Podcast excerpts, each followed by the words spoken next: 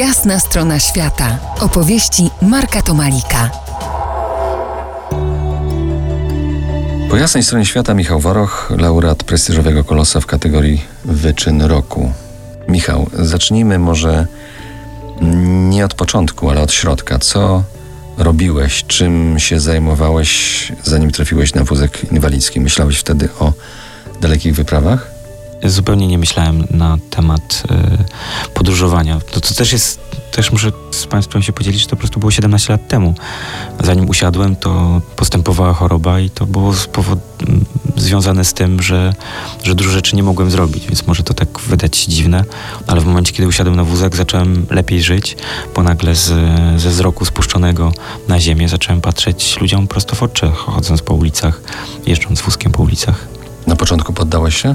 Tak, nie wiem, jak można by było być twardym, żeby się nie poddać na początku chorobie jakimś złym myślom i to trwało, wydaje mi się, nawet 3 albo 4 lata.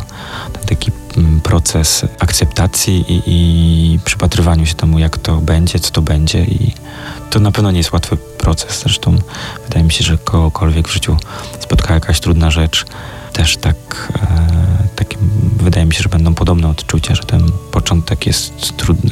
Do życia wróciłeś dzięki miłości. Możesz opowiedzieć o tym? To, no tak, to jest w ogóle też taka sytuacja, że siedziałem w domu, proszę sobie wyobrazić, że no, czekałem aż na przykład mama przyjdzie z pracy, wstawałem przed jej przyjściem i tak wyglądało moje życie tam początkowo na, na wózku i nagle poznałem wspaniałą dziewczynę, która zaprosiła mnie do, do innego świata, żebym pojechał po prostu z nią do, do Poznania, do dużego miasta i tam spędził czas i, i tak to się zaczęło. No i ten ruch spowodował kolejne ruchy. Wróciłeś na studia? Tak, wróciłem, na, to znaczy jeszcze na początku pracowałem, później stwierdziłem, że, że skoro jeszcze mam trochę siły, to po, postudiuję i rozpocząłem dwa kierunki. Ale to już nie była informatyka? Nie, już nie była. To już informatykę e, rzu rzuciłem. Padło na, na, na Akademię, grafikę projektową na Akademii Sztuk Pięknych i na kulturoznawstwo chwilowo też. Jakiś taki epizod miałem, że studiowałem. To był mocno świadomy wybór? Nie, nie do końca.